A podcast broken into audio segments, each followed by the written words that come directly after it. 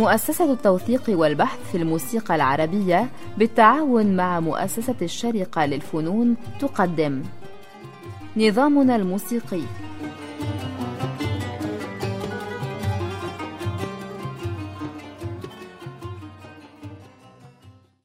الدور. في هذه الحلقة نستكمل ما كنا قد بدأناه عن قالب الدور ونبدأ الحديث عن الجيل الثاني من ملحني عصر النهضة. حيث جاء تلامذة محمد عثمان وعبد الحمولي كجيل جديد من الملحنين وأبرز اسمين هما داوود حسني وإبراهيم القباني وأطلق عليهم كامل الخلعي في كتبه اسم جيل الشباب. بعد إتقان تلحين الأدوار بالشكل الذي استقر عليه تلحين الدور على يد الجيل النهضوي الأول وبالضبط كما كان أصحاب مدرسة النهضة. عبد الحمولي ومحمد عثمان قد أتقنا تلحين الدور ما قبل تطويرهما إياه. رأى جيل الشباب على حد وصف الخلعي أنه ما زال يمكن إيجاد سبل لتطوير هذا القالب الثري. فقد أخذ هذا الجيل فكرة المسار الإلزامي والتي وضع نواتها عبد الحمولي ومحمد عثمان وطوروها لتشمل جميع أقسام الدور. فالمذهب كما هو مع زيادة استعراض المقام وإمكانية تلحين جمل موسيقية ناقلة من مظهر نغمي إلى آخر في المذهب. والدور بأقسامه أصبح له ترتيب ما فالتفريد ليس تام الابتكار بل هناك قماشة لحنية وانتقالات يقترحها الملحن على المؤدي ليجود من خلالها على أن بعض المؤدين كانوا يزيدون على هذا. كالشيخ يوسف المنيلاوي وبعضهم ينفذها بحذافيرها كالشيخ السيد الصفتي والبعض كان يضرب بها عرض الحائط ويؤدي ما شاء كعبد الحي أفندي حلمي. أما قسم الوحايد فقد تم تثبيت مكان الآهات والليالي الترنم أو الهنك بعد موضع التفريد ثم بعد ذلك تأتي المجاوبة فالختام. مع الاحتفاظ بنفس طريقة الآهات ما قبل الخاتمة أي طريقة النفس الطويل. لا يعني هذا إلغاء الارتجال والتصرفات الآنية من المؤدي. على العكس فلربما كان في هذا المسار إلهام وإيحاء للمؤدي بتصرفات جديدة. وفي هذه الفترة كانت التسجيلات قد ذاعت وعرفت بالفعل وإن كان هذان الملحنان لم يعرفا بالغناء. إلا أننا نفضل إعطاء الأمثلة بصوتهما حتى وإن كانا هما نفسيهما يعطيان الأدوار لغيرهما ليسجلوها بأصواتهم ويؤدوها في حفلاتهم. فقد بدأت في هذه الفترة كذلك حقوق المؤلف والملحن. نستمع أولا إلى دور أحب الحسن خالص من مقام الرست فرع النوروز وفيه تبرز تماما خصائص المسار الإلزامي على أنه كذلك يبرهن المؤدي وهو نفس الملحن على عدم صنمية هذا المسار حيث يفاجأ التخت بارتجالات آنية. وعلى ذكر التخت فهذا التسجيل هو من أول التسجيلات التي يوجد فيها كافة أفراد التخت في تسجيل. أي أن التسجيل في مطلع القرن العشرين لم يكن ليحتمل كافة الآلات أمام البوق النحاسي.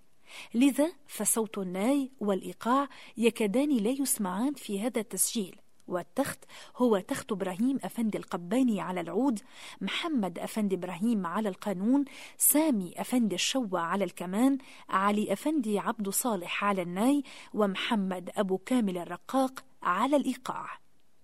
التسجيل لشركة جراموفون حوالي العام 1909 على أربعة أوجه من قياس 25 سنتيمترا.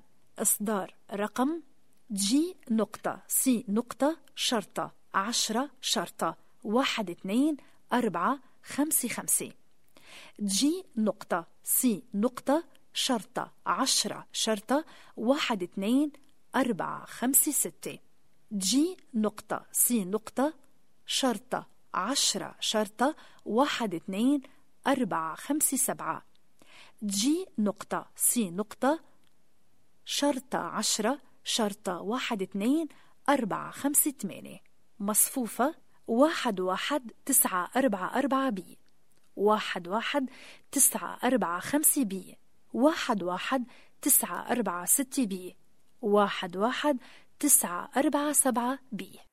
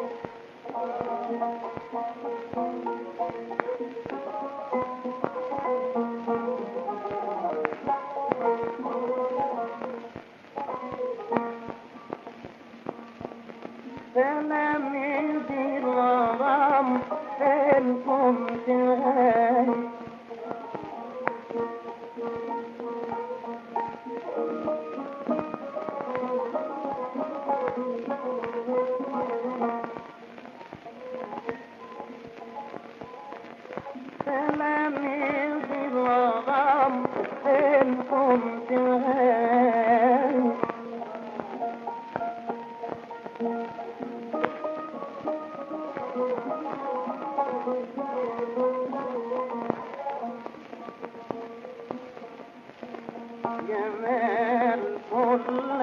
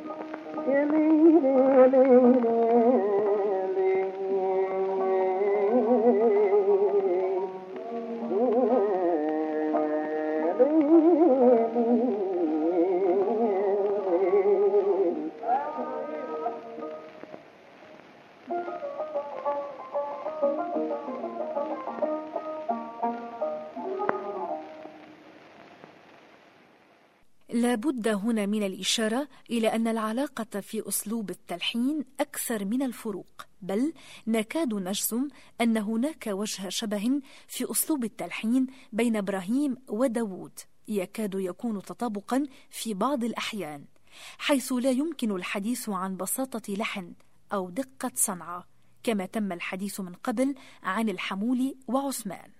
لكن المفاجئ أن المسلوب والذي كنا قد قلنا أنه قد لحق بدرب الجيل الأول من مدرسة النهضة هو نفسه قد لحق تطوير المسار عند الجيل الثاني. ونذكر من أدواره في هذه المرحلة دور الورد في وجنات بهي الجمال.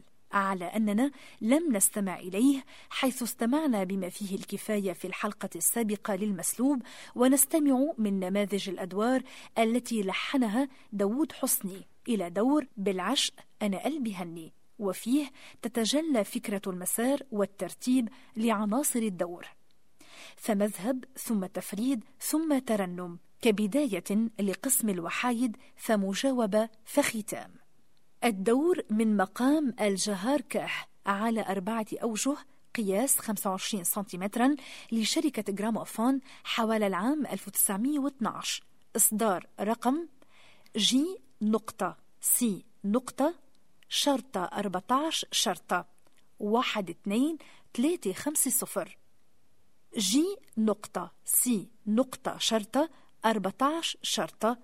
واحد اثنين ثلاثة خمسة واحد. G نقطة C نقطة شرطة 14 شرطة واحد اتنين تلاتة خمسة اتنين G نقطة C نقطة شرطة 14 شرطة واحد اتنين تلاتة خمسة تلاتة مصفوفة اتنين ستة ستة ستة Y. اتنين ستة ستة سبعة Y. اتنين ستة ستة تمانية Y. اتنين ستة ستة تسعة Y. تخت داوود حسني على العود سامي الشوة على الكمان عبد الحميد القضابي على القانون ومحمد علي لعبة على الإيقاع.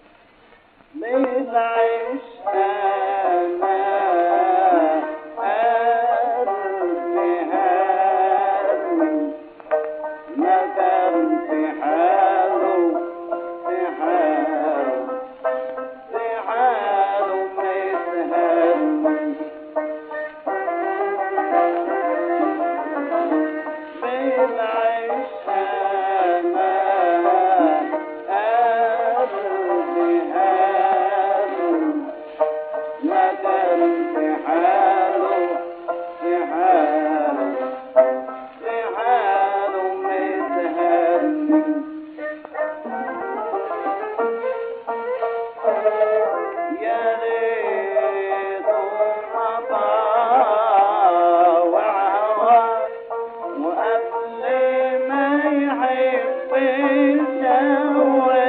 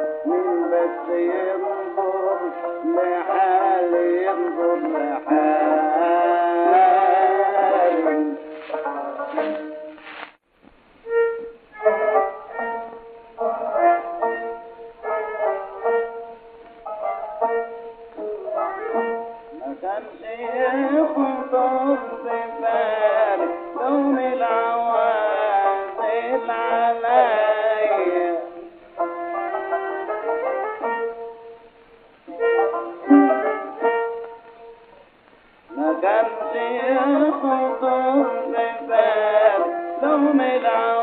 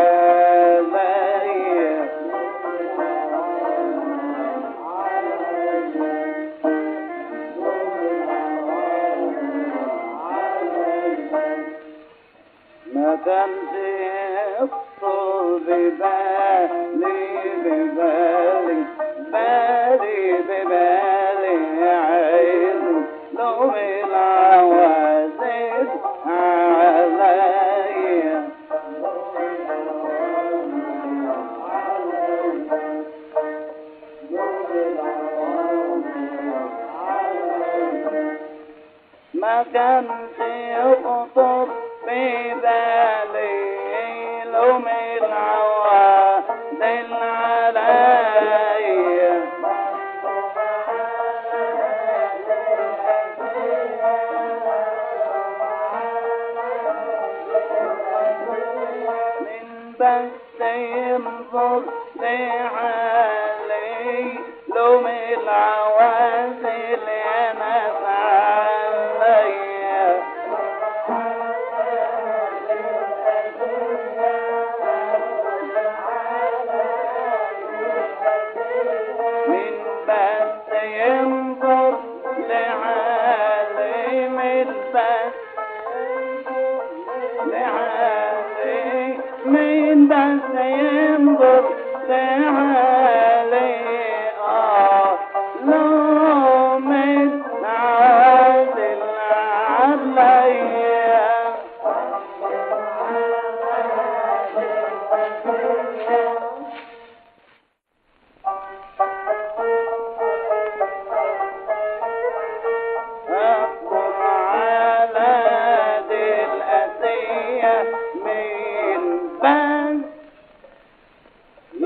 down.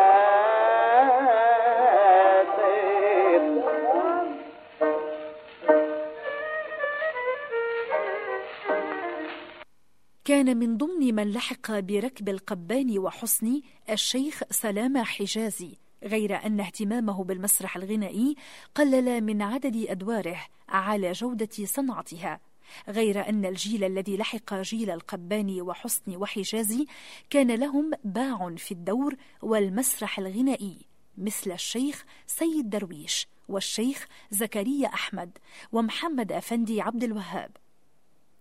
وتعامل هؤلاء مع قالب الدور اختلف كما اختلف تعامل القباني وحسني عن من سبقهما. وعن هذا الاختلاف سيكون الحديث في الحلقة الثالثة والأخيرة عن الدور. نشكر لكم حسن استماعكم وإلى أن نلتقي في حلقة أخرى من برنامج نظامنا الموسيقي. لكم منا أطيب تحية. أعد هذه الحلقة مصطفى سعيد.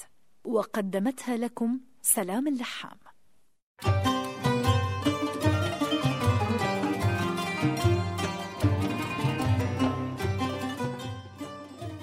نظامنا الموسيقي برنامج من إعداد مصطفى سعيد.